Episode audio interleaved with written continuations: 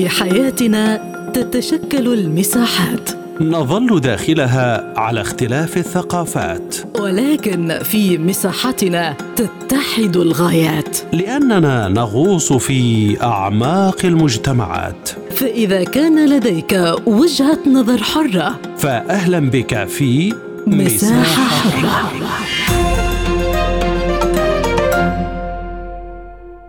أهلا بكم في هذه الحلقة من مساحة حرة معكم فيها عبد الله حميد.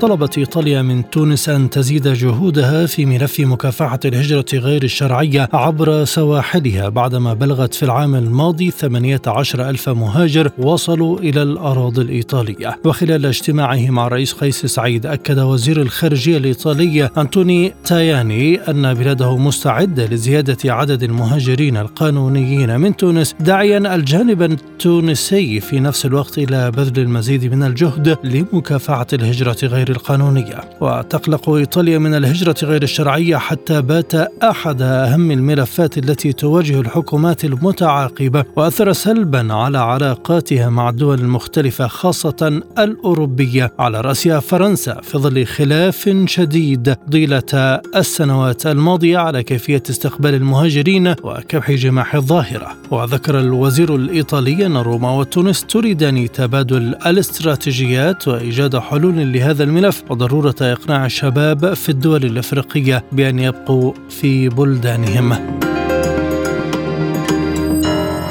في هذا الموضوع ينضم إلينا من إسبانيا في مدينة البسيطة السيد مصطفى الصنابي مستشار قانوني ومختص في شؤون الهجرة والجنسية أهلا بك سيد الكريم بداية على أي أساس تريد إيطاليا زيادة عدد المهاجرين الشرعيين من تونس؟ الأساس يعني واضح الان نحن نعلم أن أوروبا أصبحت الشيخوخة فيها يعني بصفة يعني كبيرة وكثيرة وبالتالي يعني حتى خصوص الولادات يعني نقصت بشكل يعني كثير وبالتالي الحل الوحيد وهو يعني جلب يد عاملة مهاجرة من من خصوصا من من إفريقيا. وبطبيعة الحال بما أننا نتكلم عن إيطاليا فهم يفضلون العمالة من تونس. بالتالي يعني هي طريقه كذلك لمحاولة الحد من الهجرة الغير النظاميه والعمل على هذا الإطار حتى يعني أن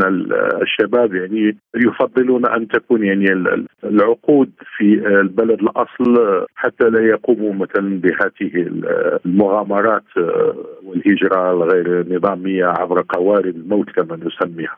هل تساهم إيطاليا مع تونس في مواجهة الظاهرة برأيك؟ نعم هي كفكرة كفكرة هي جيدة يعني كفكرة جيدة. لكن بطبيعة الحال النجاح يكون مقترن عن العدد المطلوب. أما إن كان العدد يعني ضعيف قليل فهو درب رماد العيون فقط.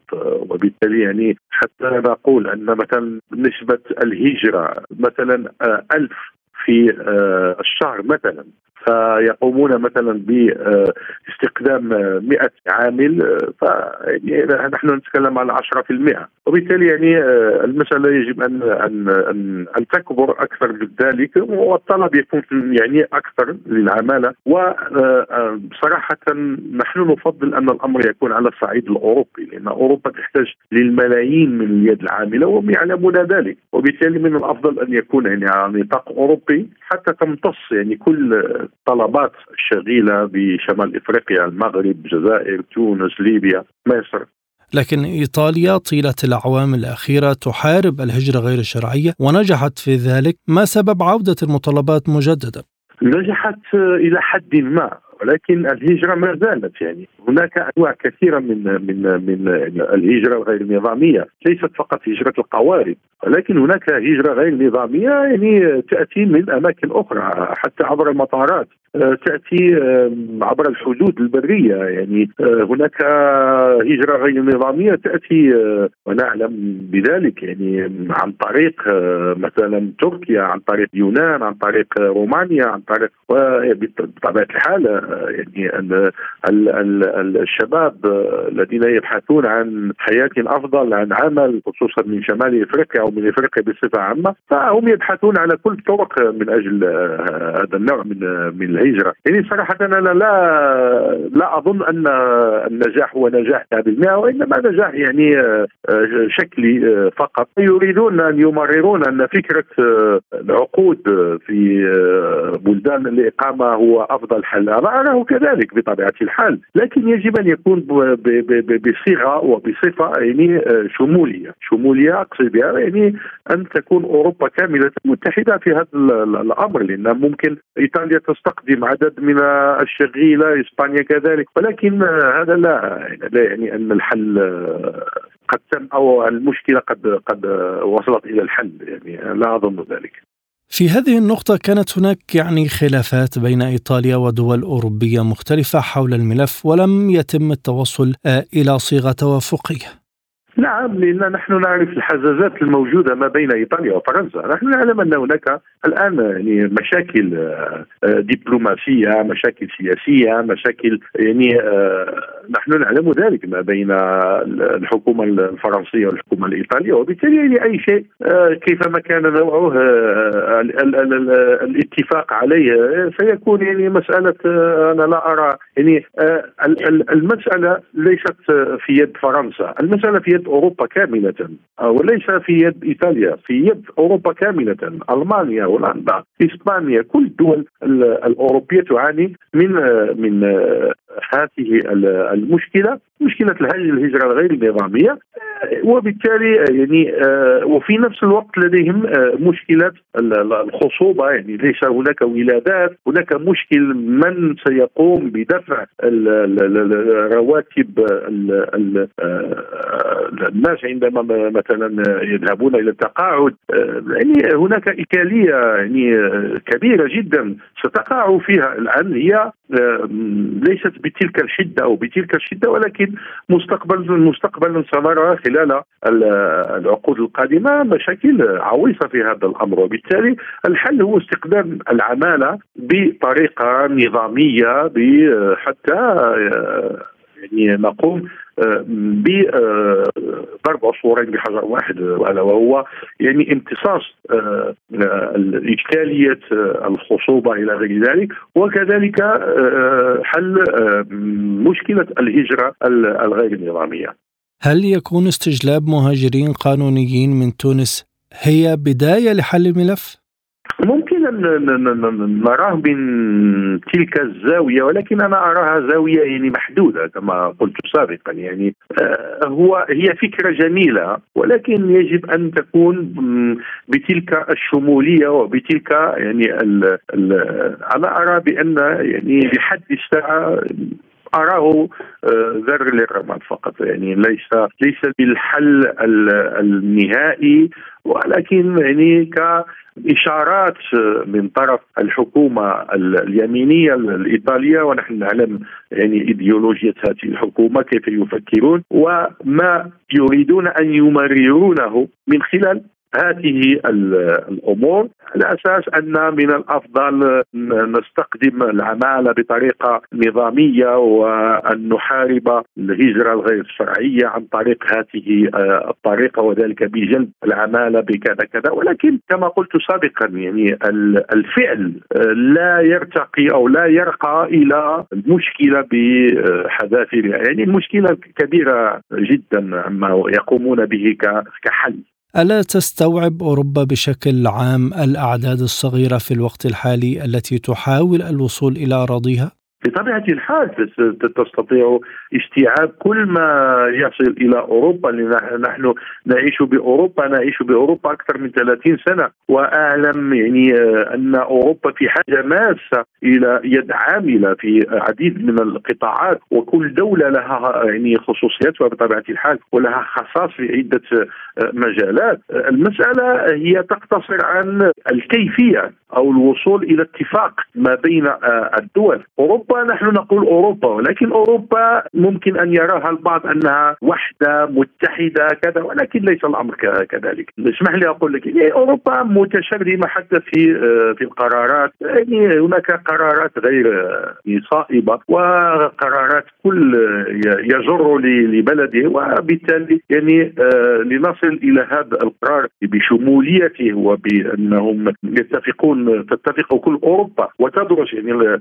الحصاص الموجود بخصوص هذا الامر يعني استقدام الشغيله العمالة من آه، آه، دول إفريقيا مثلا شمال إفريقيا بالخصوص يعني آه، سيكون أمر جميل جدا وسيحل المشكلة من الأراضي التي تأتي منها هذه العمالة بطريقة غير شرعية. بعض الأحيان أنا أفكر أقول يعني ممكن أنهم يريدون ذلك لأن هذا النوع من الشغيله التي تشتغل بدون وثائق التي تشتغل بدون دفع ضرائب بدون أي شيء وبدون يعني يستغلونهم في الفلاحة في القطاع الصناعي في في البناء إلى غير ذلك. هو استغلال مجحف ممكن أن هذا النوع من الاقتصاد يهم بعض بعض من من يريدون أن أن تكون العمالة مثل مثل هذا. يعني أنه لا يدفع عنهم الضرائب لا يدفع الضمان الاجتماعي لا يدفع لا يدفع. وبالتالي هي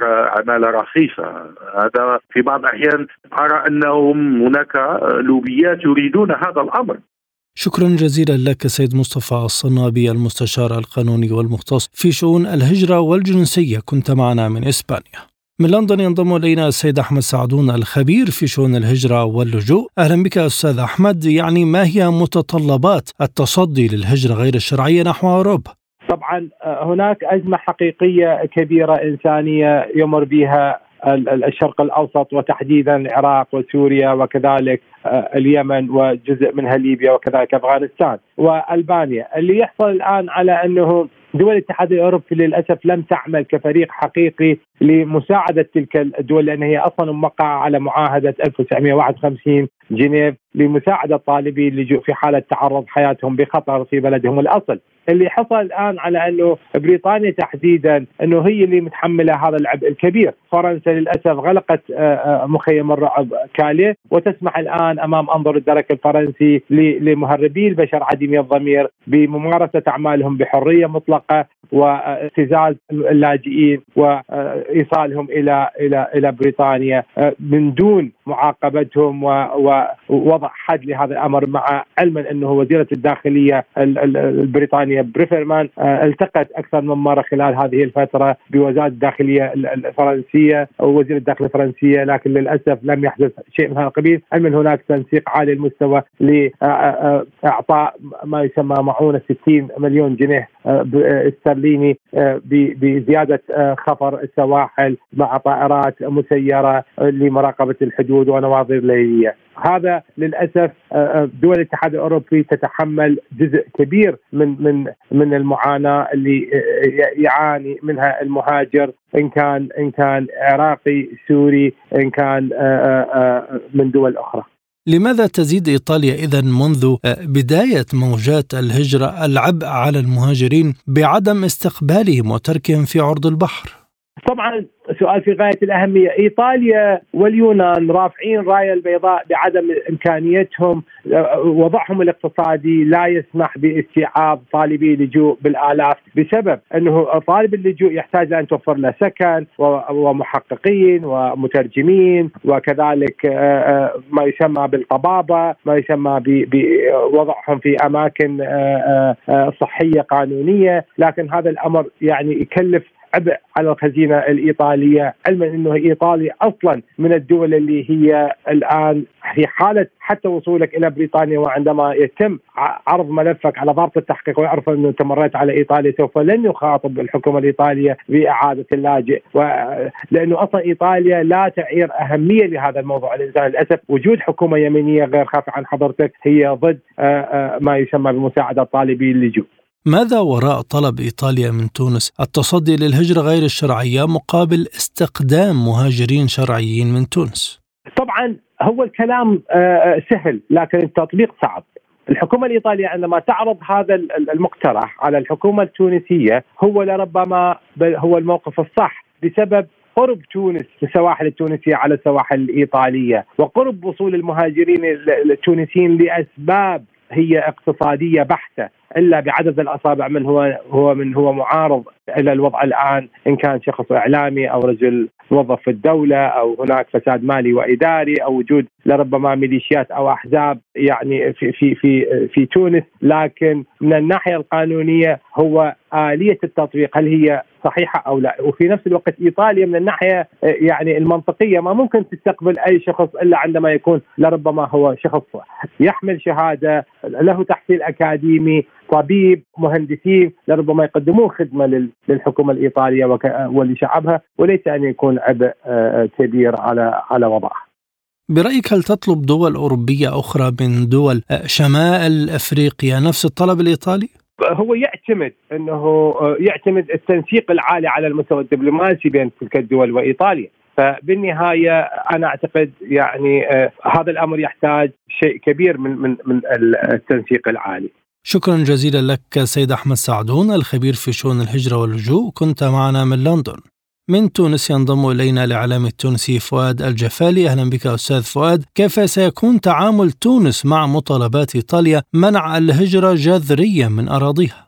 آخر تحليل في 26 أكتوبر 2022 في أكثر من 544 ما بين ضحايا ومفقودين الحقيقة هذا رقم مفزع ومفزع جدا.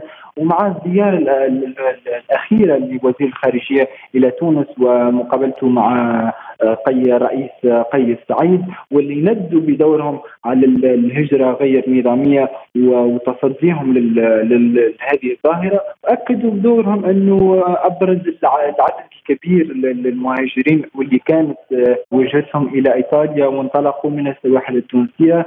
كانوا أفارقة من أصول جنوب الصحراء. بدورها تونس كانت ضحية، يعني لو لو نحكوا إنه تونس يعني بدورها ضحية المواطنين التوانسة دورهم ضحية. يعني توجهوا إلى إلى إيطاليا يعني غصبا عنهم.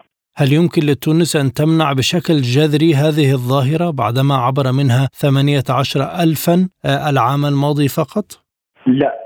قطعا تونس لا تستطيع أن تمنع المهاجرين. إذا نحكوا على المهاجرين أصولها التونسية أو غير تونسية لعدة أسباب أمنية سياسية اقتصادية. لا تستطيع أن تتصدى للمهاجرين غير شرعيين ما هي متطلبات العمل على هذا الملف من الجانب التونسي برأيك؟ سياسيا هي في عده في عدة عوامل متداخلة يعني ما بين الجانب في الحدودية ما بين تونس وليبيا تونس والجزائر حتى في السواحل الإيطالية. من العامل الأمني تكاتف الجهود بين الدول بين بين الحدود. يعني التكثيف الأمني آه، هو العامل الكبير للتصدي لهذه الظاهرة. نحكو على على الظاهرة الأمنية. فقط. وما مصير المهاجرين الذين لجأوا للمناطق الشمالية في إفريقيا سواء في تونس أو دول الجوار له؟ الوضع التونسي اقتصاديا آه، مو كثير مو كثير كويس. يعني اقتصاديا تونس يعني في تدهور اقتصادي اجتماعي في في الحالات آه، ككل. المهاجرين من تونس. يعني صحيح يعني آه، في تعايش آه، تعايش سلمي بينهم بس اقتصاديا أكيد يعني لازم يعني آه، يرجعوا لاصولهم يرجعوا لبلادهم. يعني لازم يتم ترحيلهم لأنه ما دام السلطات الإيطالية طالبت بالتجديد على السواحل التونسية يعني لازم لازم نلتجئوا لل نلتجئ لترحيب المهاجرين الغير تونسيين غير شرعيين إلى أي حد يعكس هذا الوضع أن أوروبا باتت عاجزة عن استقبال مهاجرين أو التكفل بهم؟ اقتصاديا العالم ككل يعاني اقتصاديا في في الدول في الدول اجمع يعني اقتصاديا لم تعد الهجرة هي الحل الحل الصحيح للمهاجرين وبالتالي أوروبا ليست يعني من منطويه على نفسها وما تعيشش لحالها يعني. هي عايشة مع مع مع العالم ككل يعني هي متأثرة بالعوامل الخارجية يعني. شكرا جزيلا لك أستاذ فؤاد الجفالي الإعلامي التونسي. كنت معنا من تونس. من الرباط ينضم إلينا الدكتور عبد الفتاح الفاتحي مدير مركز الصحراء وأفريقيا للدراسات. أهلا بك دكتور. ما هي أعداد أو نسب المهاجرين في إيطاليا الآن بعد موجات اللجوء في العقد الماضي؟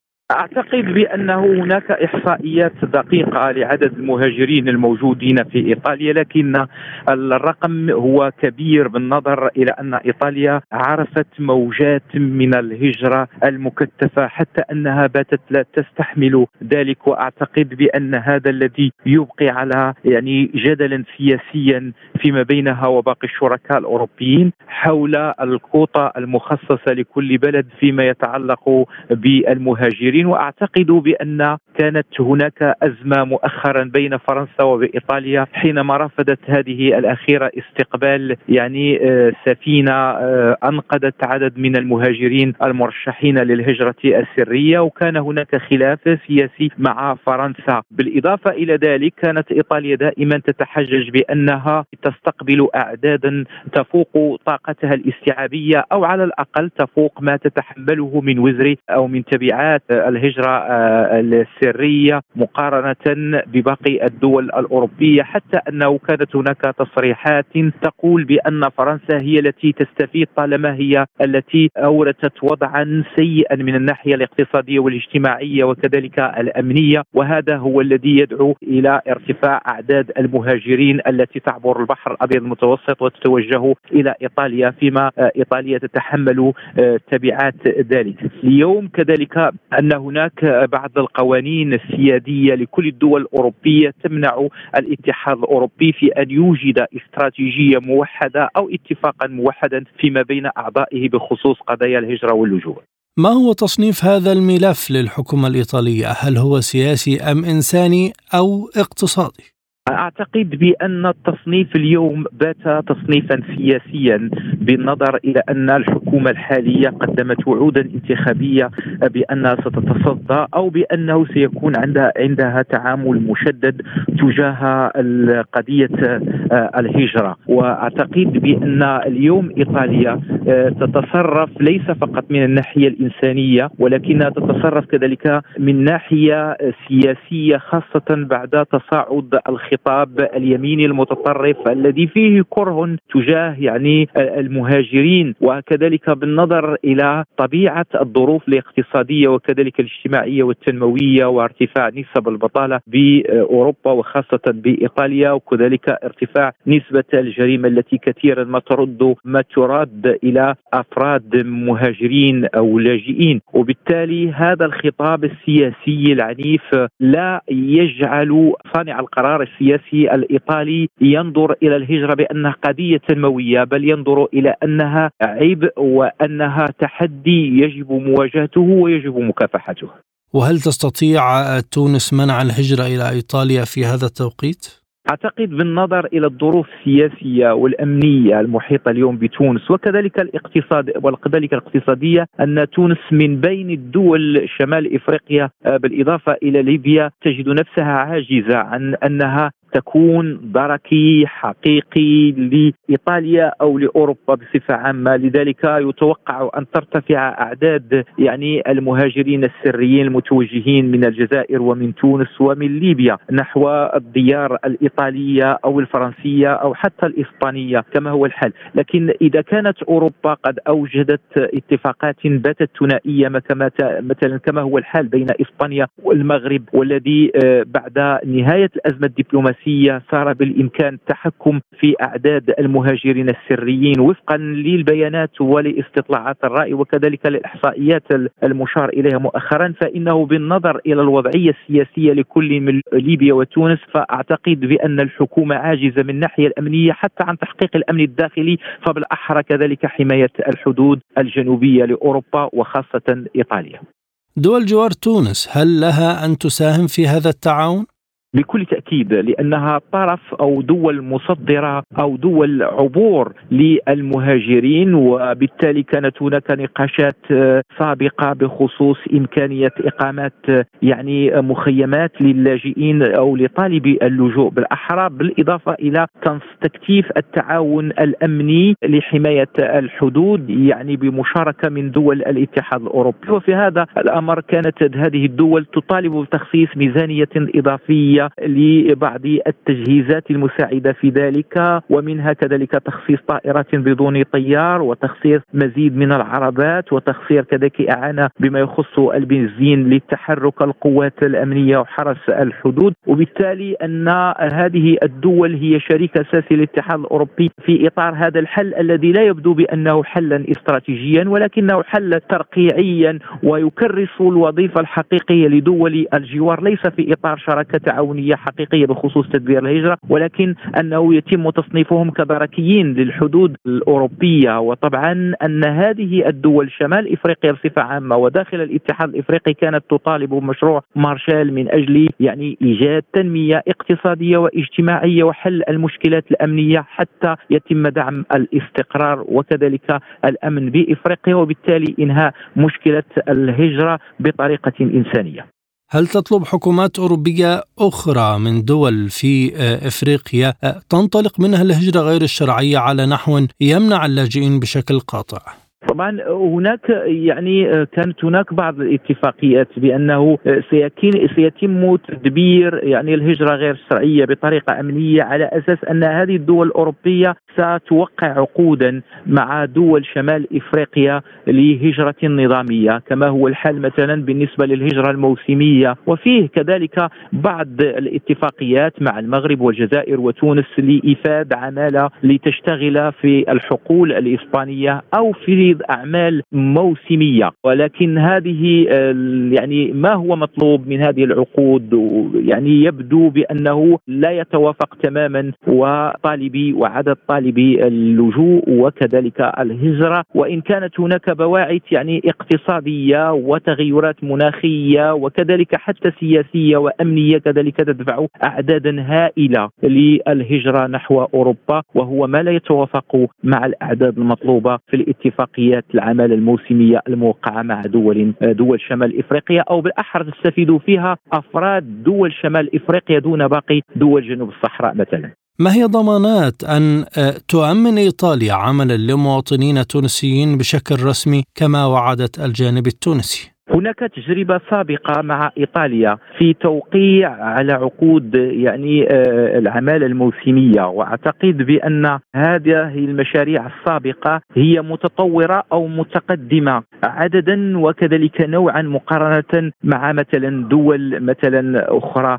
في الجوار. كما هو الحال بالمغرب الذي يبقى توقيع على عقود موسمية تتعلق فقط بزراعة أو بجني الفراولة أو بموسم جني الفراولة. ولكن في التجربة التونسية هناك عقود عمل موسمية تتعلق بالسياحة تتعلق بالصيد البحري وتتعلق كذلك بالزراعة بالإضافة إلى أعمال أخرى. ولذلك التجربة التونسية في هذا المجال مع دول أوروبية مع فرنسا ومع إيطاليا جد متقدمة ويمكن لإيطاليا كذلك إذا ما رأت بأن أعداد الهجرة المكثفة تأتيها من تونس وأن بإمكان أن تجعل هذه الورقة ورقة ضغطا على تونس من أجل أن تسخر عددا من قوات أمنية لحماية سواحلها من الهجرة آه، آه، السرية. فأعتقد بأنه كلا الطرفين سيكسبون كذلك حلا جذريا لهذه المشكلة طالما أنه سيصبح توثيق من مقترب الهجرة النظامية ومكافحة الهجرة السرية بالنظر إلى ما يرتبط منها من تحديات أمنية وكذلك تحديات الإرهاب وغيرها. شكرا جزيلا لك الدكتور عبد الفتاح الفاتحي مدير مركز الصحراء وأفريقيا للدراسات كنت معنا من الرباط. بهذا تنتهي هذه الحلقة من مساحة حرة كنت معكم فيها عبد الله حميد إلى اللقاء.